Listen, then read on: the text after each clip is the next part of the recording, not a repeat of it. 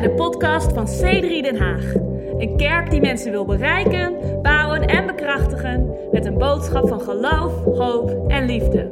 We hopen dat deze podcast je verfrist en inspireert.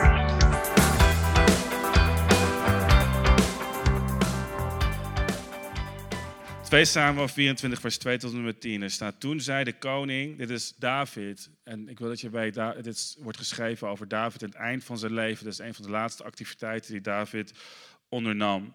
En er staat, toen zei koning David tegen Joab, de legerbevelhebber, die bij hem was, trek toch rond door alle stammen van Israël, van Dan tot Beersheba, en tel het volk, zodat ik het aantal mannen van het volk weet. En toen zei Joab tegen de koning, Mogen de Heere uw God er aan dit volk honderdmaal meer toevoegen dan er nu zijn, terwijl de ogen van mijn Heer de koning het ziet. Maar waarom verlangt mijn Heer de koning dit? En het woord van de koning was echter te sterk voor Joab en de bevelhebbers van het leger. Dus ging Joab bij de koning weg met de bevelhebbers van het leger om het volk Israël te tellen. Ze staken de Jordaan over en sloegen hun kamp op bij ik spreek het waarschijnlijk verkeerd uit, Aroer, aan de rechterzijde van de stad, die midden in het dal van Gat ligt. En, gingen van, vandaar, en ze gingen vandaar naar Jaezer. Ze kwamen bij Gilead in het, in het laagland van Hotzi. En ze kwamen uh, bij Dan Jaan in de streken rond Sidon. Anyway, wat, wat, wat ze probeerden te zeggen, ze gingen door heel het land, right? Uh, en uiteindelijk kwamen ze uit bij Beerseba. Um, één zin verder. Zo trokken ze door heel het land na verloop van negen maanden en twintig dagen. Kwamen zij in Israël, maar kwamen ze in Jeruzalem. Dus het kostte negen maanden om het volk te tellen. Joab gaf de koning het aantal van het getelde volk. Er waren in Israël 800.000 strijdbare mannen die het zwaard konden hanteren. En de mannen van Juda waren 500.000 man sterk. Wat overigens helemaal niet zegt over Juda, want Juda was slechts één stam en de rest was, waren elf stammen. Dus um, nou, pretty good, right? Um, het hart van David, zegt de Bijbel, dat is interessant, bonste in hem nadat hij het volk geteld had. En David zei tegen de Heer, ik heb zwaar gezondigd in wat ik gedaan heb. Maar nu, Heer, neem de ongerechtigheid van de dienaar toch weg, want ik heb heel dwaas gehandeld. En hoe dat verhaal afloopt, ga ik je niet vertellen. Maar wie van jullie is er dankbaar dat we de Bijbel tot onze beschikking hebben om die zelf te kunnen lezen? Uh, dus uh, als je vanavond eh, geïnteresseerd bent, 2 Samuel hoofdstuk 24 en je leest hoe het afloopt. Is er iemand dankbaar voor? Iemand? yeah. Um, laten we bidden. Vader God, we danken u voor dit moment om deze gelegenheid om uw woord te delen. Ik geloof, God, dat iedere keer dat we uw woord openslaan, iedere keer dat we uw woord lezen, dat u iets doet met ons. Als we het openslaan met een bereidwilligheid om te horen wat u tegen ons wilt zeggen en een bereidwilligheid om te doen wat u wilt dat we doen. En help ons vandaag om, om te horen en om uit te voeren wat we geloven. Help mij om te communiceren. Help ons om ons hart te openen. Niet voor wat ik wil zeggen, maar wat u wil zeggen. Tot uw mensen vanochtend in de naam van Jezus. En kan ik een enthousiaste old school, maar krachtig amen horen. Amen. Amen. Kan ik een amen horen? Kan ik een amen horen? Ja, oké. Ja, dat is hoe ze, hoe ze het in het zuiden doen van Amerika. Maar... Hey, ik weet niet of je wel eens hebt afgevraagd, wat heb ik bereikt in mijn leven? Zijn er mensen die zich wel eens hebben afgevraagd, wat heb ik bereikt? Um, als je het je nog nooit hebt afgevraagd, dan zou ik me enigszins zorgen maken. Maar, maar we zullen allemaal wel eens op een moment zijn geweest dat we denken, wat, wat heb ik bereikt? En ik denk een van de redenen waarom we deze serie behandelen, is omdat er een God ontworpen, een God ingeboren verlangen is in ieder persoon om iets groots te doen. Right?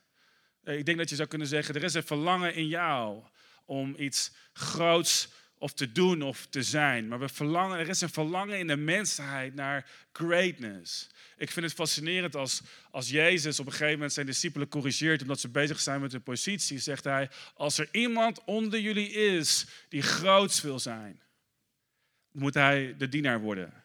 En de conclusie die we er allemaal uit trekken is, oh, dus de conclusie is, we, het is goed, het is belangrijk voor ons, het zou een prioriteit moeten zijn voor ieder persoon om te dienen. Waarom? Omdat we ons allemaal identificeren met het verlangen om groot te zijn. En dus Jezus stapt in in een universeel verlangen. Jezus corrigeert het niet. Jezus zegt niet dat het is verkeerd om een verlangen te hebben om groot te zijn. Sterker nog, Paulus zegt tegen Timotheus, als iemand het werk van een opziener, een, een, een leider verlangt, verlangt hij naar een goed werk. En als Jezus zegt, als iemand verlangt om groot te zijn, zou hij moeten dienen. En iedereen denkt, hey, een van de boodschappen van de kerk is, we zouden moeten dienen, want we verlangen allemaal naar grootheid. Dus we verlangen naar grootsheid. Maar er zijn zoveel verschillende crisissen, uh, of crises, als je het heel ingewikkeld zou willen zeggen, um, uh, in ons leven. Midlife crisis. Uh, tegenwoordig hebben we quarter-life crisis. Uh, ik zou kunnen zeggen, we hebben een end-of-life crisis. En tegenwoordig misschien zelfs een, een start-of-life crisis. En een millennial crisis. En we hebben allerlei crisissen in ons leven. Uh, omdat we ons op heel veel momenten afvragen, hoe ver ben ik? Hoe, hoe groot ben ik? Telt, telt mijn leven mij? Maak ik een verschil? En ben je wel eens een moment geweest in je leven dat je evalueert en nadenkt: hey, hoe, hoe ver ben ik op, de, op, de meetlat van, op mijn meetlat van succes? Hoe ver ben ik op, op mijn meetlat van vruchtbaarheid? En het fascinerende is, David hier aan het einde van zijn leven bevindt zich op zo'n moment. En David had meerdere momenten in zijn leven gehad, maar David hier bevindt zich in zo'n moment en hij zegt: Het is tijd om te kijken of ik nog meetel. Het is, het is tijd om te kijken wat ik in huis heb. David zegt: Ik wil weten wat ik in huis heb. Dus hij zegt tegen zijn bevelhebber: Hij zegt: Tel de manschappen, tel het leger. En Joab reageert gelijk, zijn bevelhebber reageert gelijk.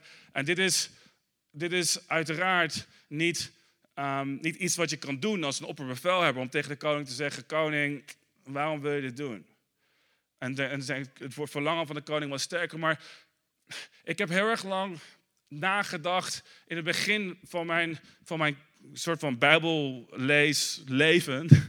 Um, waarom het nou zo verkeerd was voor David om zijn manschappen te tellen. En later zie je dat de gevolgen van Davids keuze desastreus waren. En je ziet ook weer dat David, of dat God genadig was. Zelfs in het Oude Testament, mensen was God genadig. Is iemand daar dankbaar voor?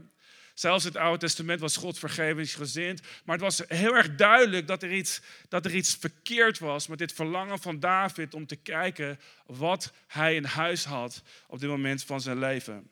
En, en ik wil vandaag het met je hebben over wat is, hoe meten we grootsheid? Wat is grootsheid? Dus mijn eerste gedachte is, hoe meten we grootsheid in ons leven? Dus laten we het hebben over, over jouw leven, laten we het hebben over mijn leven.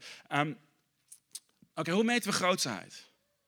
Ik denk dat als we het hebben over onze, onze, ons leven, over onze carrières, over vruchtbaarheid, dat er vaak een aantal extremen zijn waarvan we soms het idee hebben dat we ertussen moeten kiezen. Eén zo'n extreem is, um, en je ziet het heel erg vaak terugkomen in, in uh, een soort van comedyfilms, waar met name Jim Carrey een hoofdrol speelt, waar er een, uh, een hele succesvolle persoon is, die helemaal niet geeft om zijn familie en niet geeft om relaties. Um, ik, ik uh, lees bijvoorbeeld uit het boek, uh, die film met die pingwings van, Jim, van uh, Jim Carrey. Wie heeft die gezien, iemand? Mr. Dob... Anyway, ik weet niet eens hoe die heet. Weet iemand hoe die heet? Nee, nee, maar anyway, dus, dus Jim Carrey, die, uh, ja, anyway, whatever. Maar Liar, Liar is zo'n hele oude film. Waarschijnlijk als je, als je, uh, als onze jeugd heeft waarschijnlijk Liar, Liar nog nooit gezien. Heb je Liar, Liar wel eens gezien? Oké, oh, oké, okay, okay, I. Oké, that's great. Um, en, uh, maar, maar van die films en, en waar, waar de afwezige vader, die uiteindelijk wordt omgevormd tot de de afwezige, hij is de afwezige, succesvolle vader, uiteindelijk verandert in de aanwezige, maar niet zo succesvolle vader. En dan wordt er gezegd, oké, hij heeft zichzelf gevonden, dat is amazing. En heel vaak denken we, oké, het, is, het is belangrijk, uh, we moeten een keuze maken tussen voldoening, tussen geluk, tussen, tussen een gezonde familie, tussen een goede privé-werkbalans. aan de ene kant en aan de andere kant succes en keiharde meetinstrumenten en targets en doelen en, en onze rekeningen kunnen betalen en dat soort zaken. En heel erg vaak voelt het alsof, right, alsof we schipperen tussen een extreem. Laten we een andere extreem noemen waar we soms het gevoel hebben dat we tussen moeten kiezen. Kwaliteit en kwantiteit. Zie, je hebt aan de ene kant heb je kwaliteitsmensen die zeggen, ja, um, luister, alles wat kwalitatief is, als je het schaalt in kwantiteit, zul je per definitie een compromis moeten maken op de kwaliteit. Dus ik ben een kwaliteitsmens. Um, en dat zie je soms terug in carrière, soms zie je terug in ons beeld van de kerk, waar mensen zeggen, hey luister, um, het gaat niet om kwaliteit, het gaat niet om kwantiteit, het gaat om kwaliteit. Heeft iemand dat wel eens gehoord, iemand? Nee? Niemand? Oké.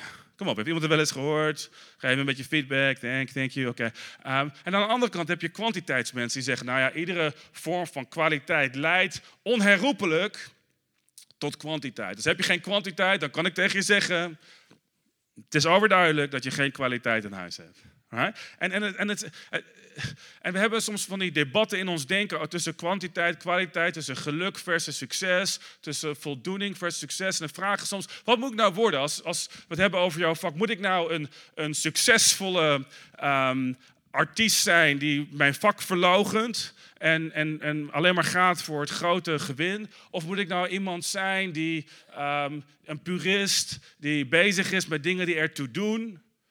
Zonder dat kwantiteit een factor speelt in mijn leven. Ik doe wat ik mooi vind, ik doe wat ik goed vind, maar uiteindelijk maakt het me niet uit wat er, wat er mee gebeurt. En, en, en ik denk ergens dat we, dat we soms ergens een vraag, eh, onszelf de vraag kunnen stellen: hoe meet ik mijn succes? Meet ik mijn succes af van kwantiteit? Meet ik het af van kwaliteit? En, en mijn bemoediging zou, zijn, zou het volgende zijn: de Bijbel is een stuk minder zwart-wit op dit gebied dan je denkt. De Bijbel is een stuk minder zwart-wit. De Bijbel, um, nog, nogmaals, Jezus zei, als iemand van jullie verlangt om groot te zijn. Hij refereerde overigens naar de heersers van deze wereld die op een verkeerde manier leiding geven. En toen zei hij, als iemand onder jullie in feite heerser wil zijn, als iemand onder jullie leider wil zijn, als iemand onder jullie invloed wil hebben, als iemand onder jullie, misschien zeggen zou hij wel refereren naar bekend wil zijn, befaamd wil zijn. Laat hem dan dienen. En zonder het verlangen te corrigeren om impact te hebben, het ingeboren God verlangen te corrigeren voor ons om, om op een bepaalde manier, op een kwantitatieve manier succes te hebben, zegt Jezus tegen ons, het succes wat je hebt is alleen maar is eigenlijk alleen maar um, effectief of heeft alleen maar impact als je, als je succes ook een bepaalde mate van kwaliteit heeft. Want, want, want wat zou het uitmaken als God je invloed geeft, als je die invloed alleen maar gebruikt voor jezelf? Waarom zou God je verheffen tot een plek van zegening, als die zegening gaat om jou, om, om jou en, en, en, en, en je eigen dingen? En dus er is een balans, mensen. Er is een balans tussen, tussen die verschillende aspecten. En ik wil, um, en, en als, als je ziet wat David hier telt, is een ander iets. Want, want deze tekst deze, dit verhaal is heel erg duidelijk een verhaal waarin we leren dat het niet goed is voor David om zijn, zijn, zijn leger op dit moment in zijn leven te tellen. En daar ga ik zo meteen verder op in. De, de Bijbel is heel erg duidelijk over dat het een verkeerde beslissing was. Het was een verkeerd moment voor David om te kijken wat hij kwantitatief wel niet in huis had. Hoe ver hij het wel niet had geschopt in zijn leven. Dit was uiteraard verkeerd. Maar tegelijkertijd, toen David begon te tellen, zien we dat onder het bewind van David het leger was gegroeid naar 1,3 miljoen manschappen. Wat een enorm leger was. En dus al was het verkeerd voor David om, om bezig te zijn met zijn kwantiteit, zien we dat de zegen van God op David uiteindelijk leidde tot een bepaalde mate van, kan ik het zo zeggen, succes. Ik weet dat succes een vies woord is in de kerk, maar, maar David had succes. David had 1,3 miljoen manschappen. Er was niets mis met de zegen van God in ons leven. Um, leidt tot vermenigvuldiging. Ergens in Spreuken hoofdstuk 11 staat: de zegen van God maakt rijk. Of de zegen van God leidt tot overvloed. En God voegt daar niets negatiefs aan toe. God wil ons zeggen. God zei tegen Abraham: Abraham, ik zal je zegenen, ik zal je naam groot maken. Ik zal je vermenigvuldigen.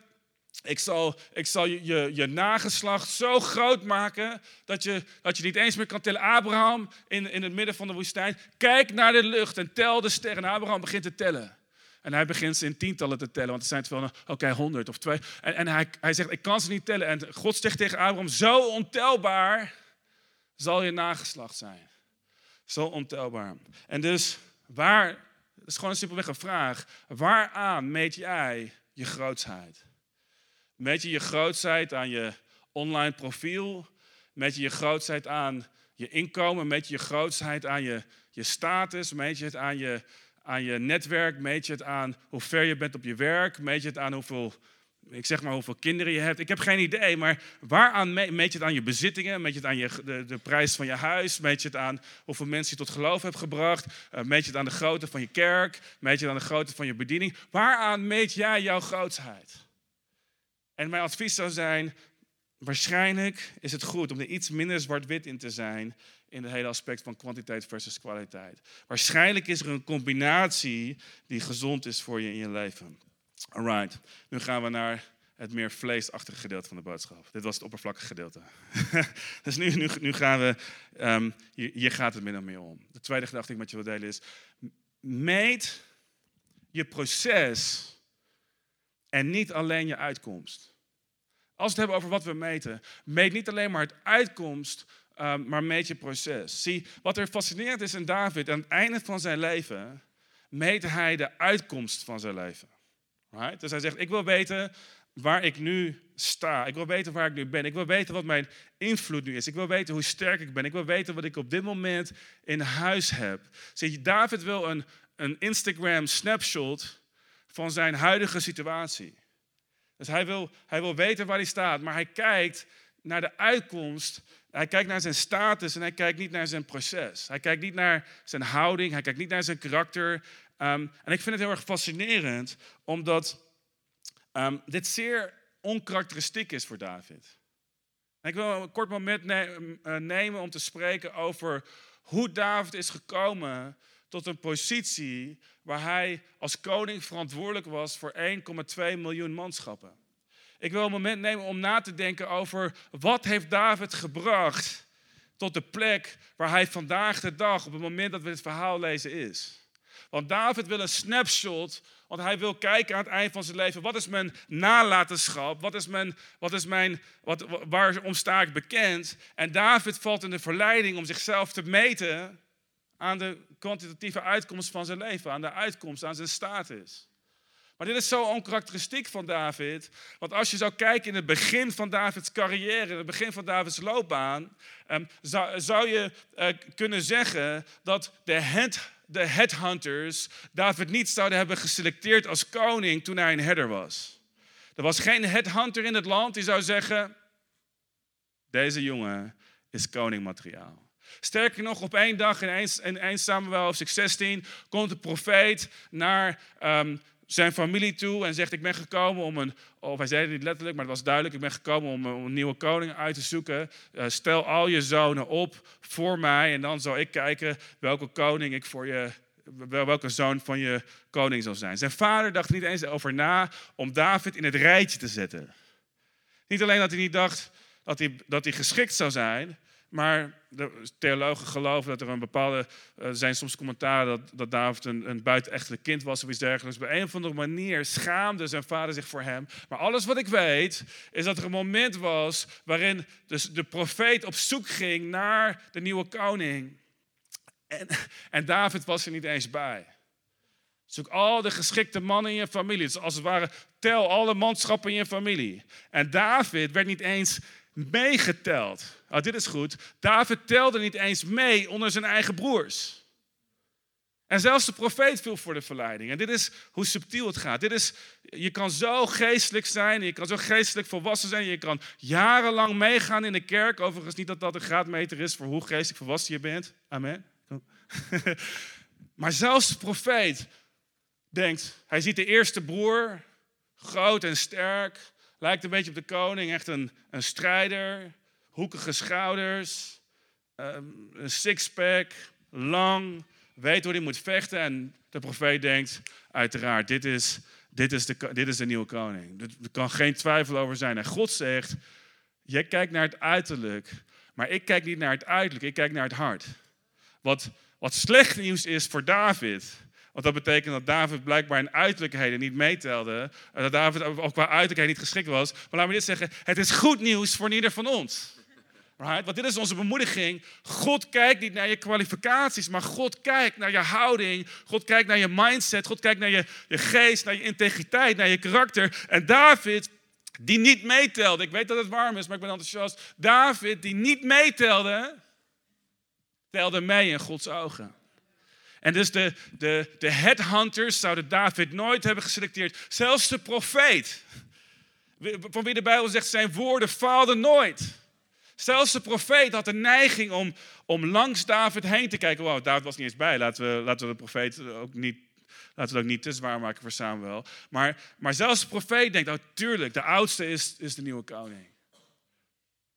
David en Goliath. Wel, we hebben het gehad over de headhunters. De bookkeepers zouden nooit, nooit David een hoge waardering hebben gegeven ten opzichte van Goliath.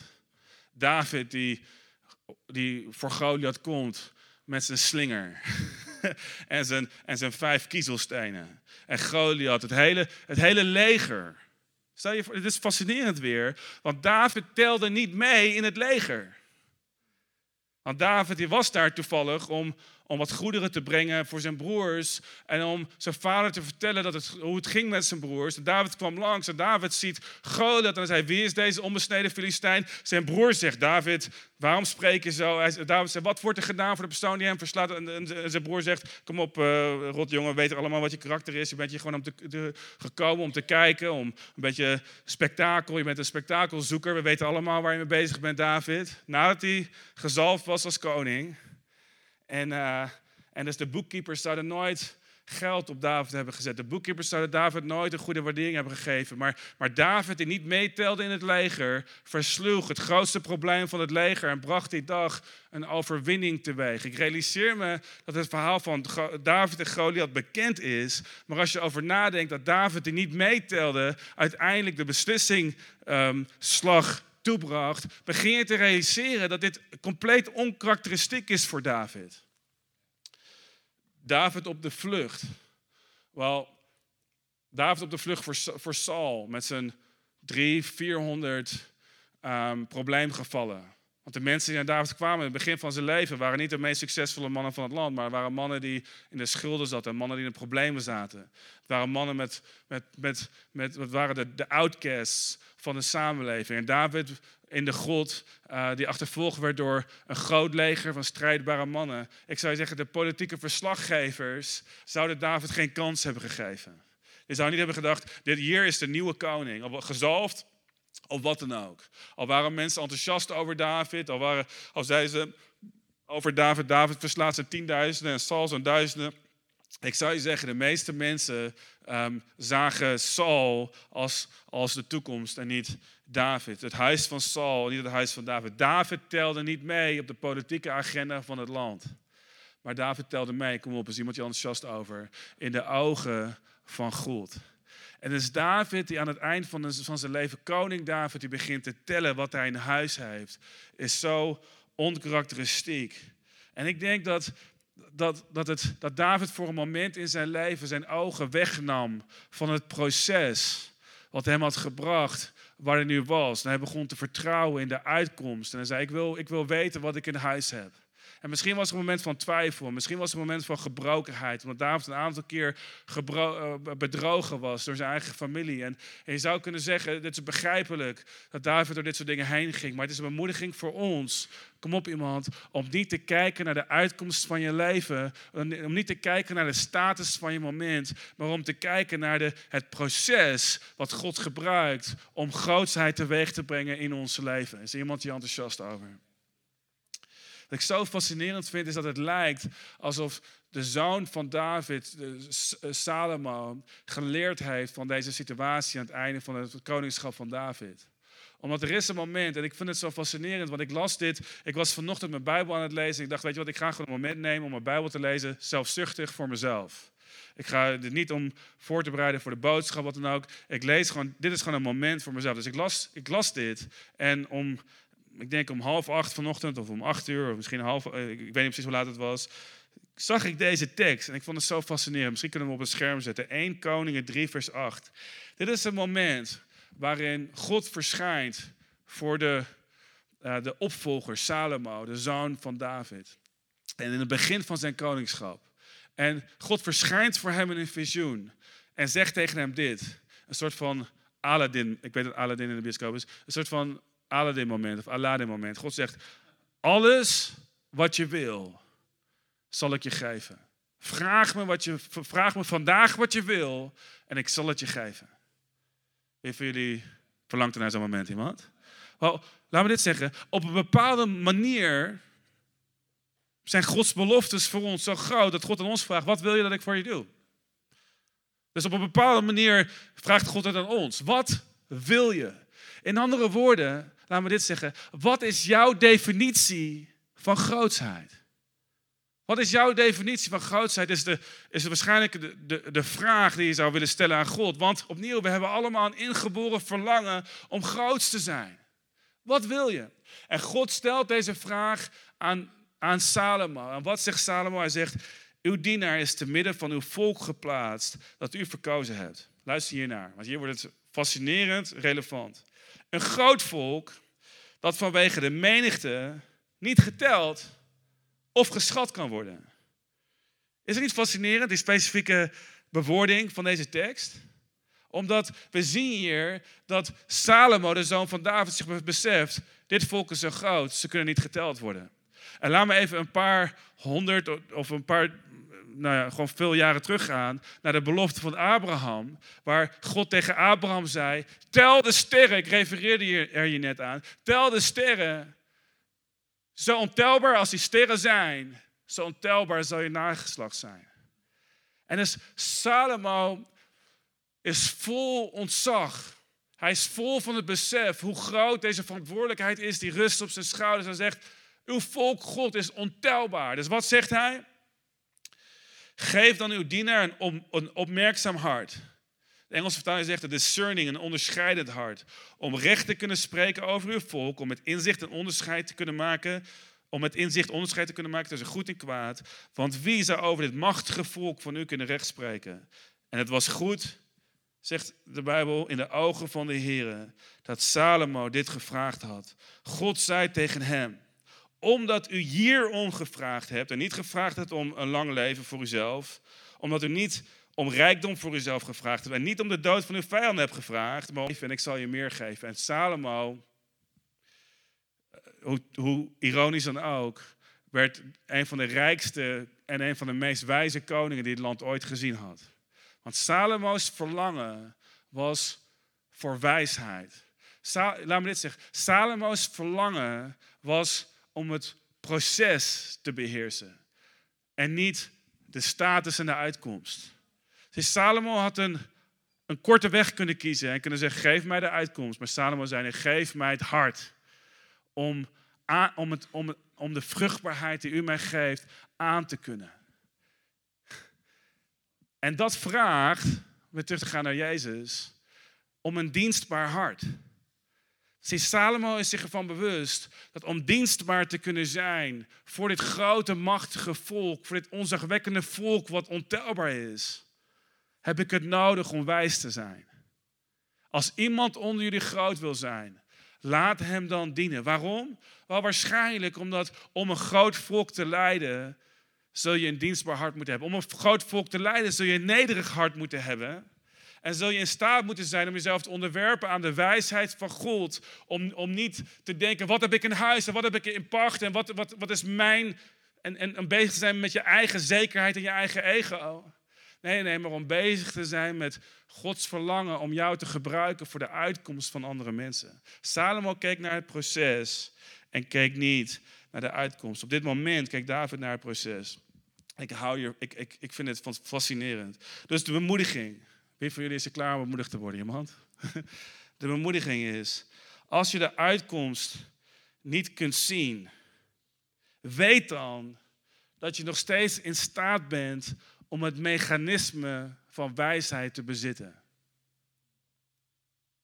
Zie, voor ieder persoon, ik weet niet of je het gevoel hebt, als ik, als ik nu een, een meetlat zou leggen in mijn leven, um, dan vraag ik me af wat je zou zeggen. Misschien zeg je, oké, zoals David zou ik ongeveer uitkomen op 1,2 miljoen manschappen.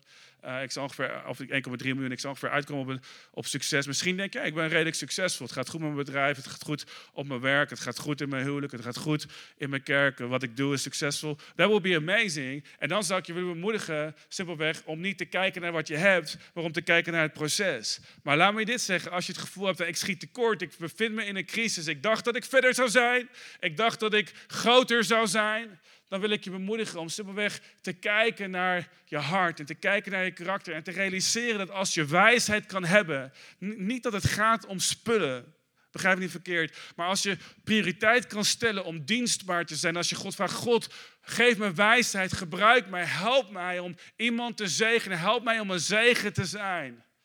Dat God je hart ziet en dat God je bereidwilligheid ziet en dat je misschien wel meer succesvol bent dan een persoon die alles heeft, maar dit perspectief van wijsheid mist.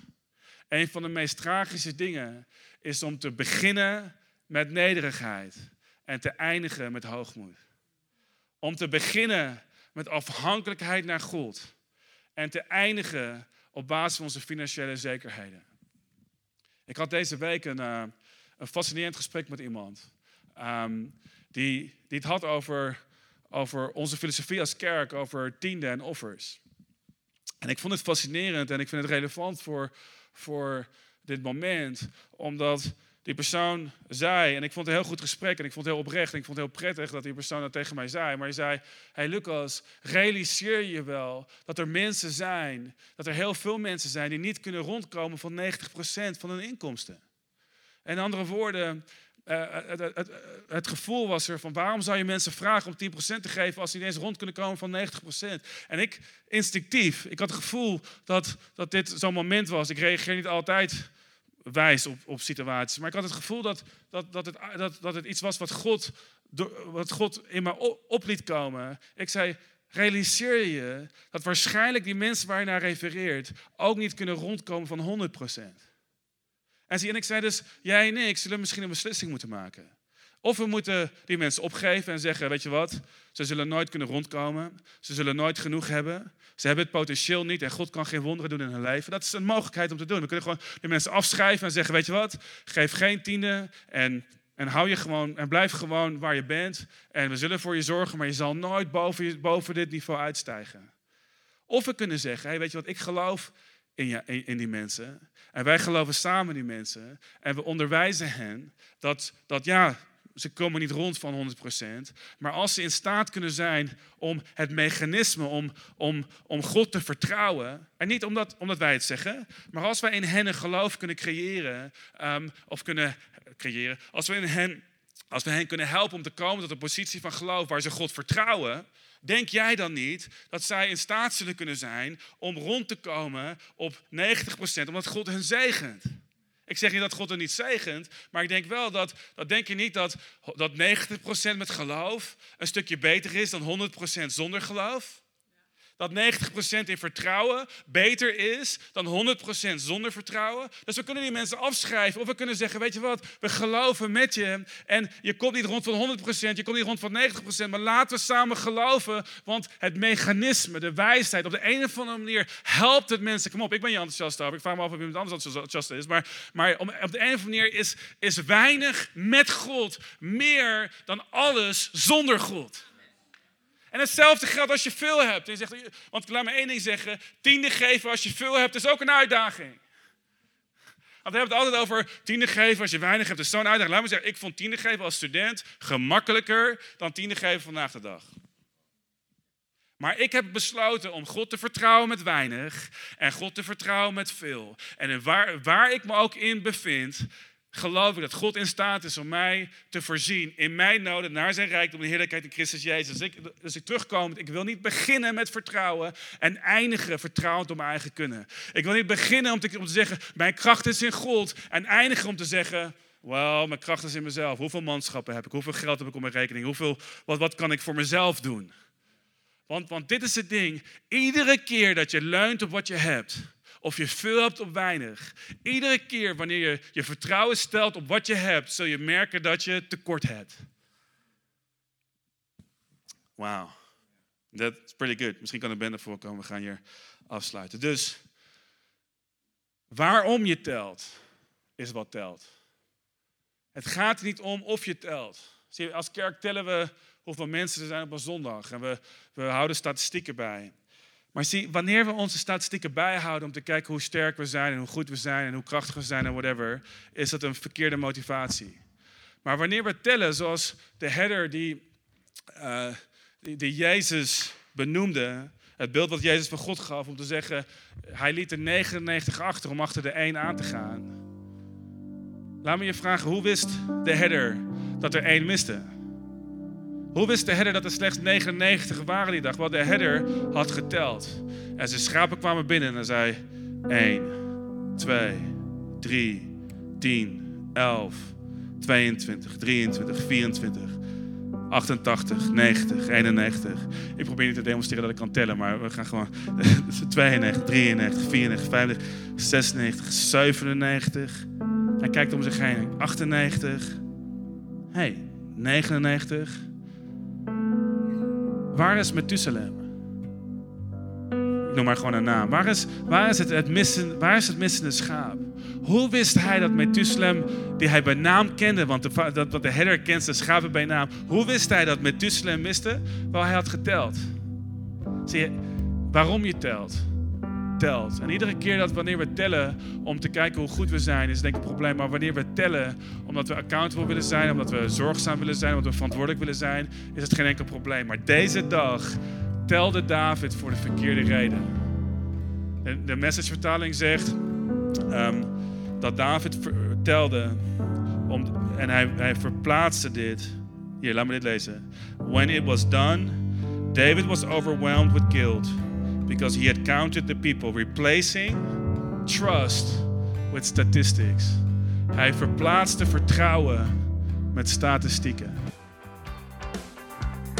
Bedankt voor het luisteren naar deze podcast.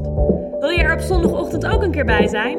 Je bent van harte welkom. Ga voor meer informatie naar c3denhaag.nl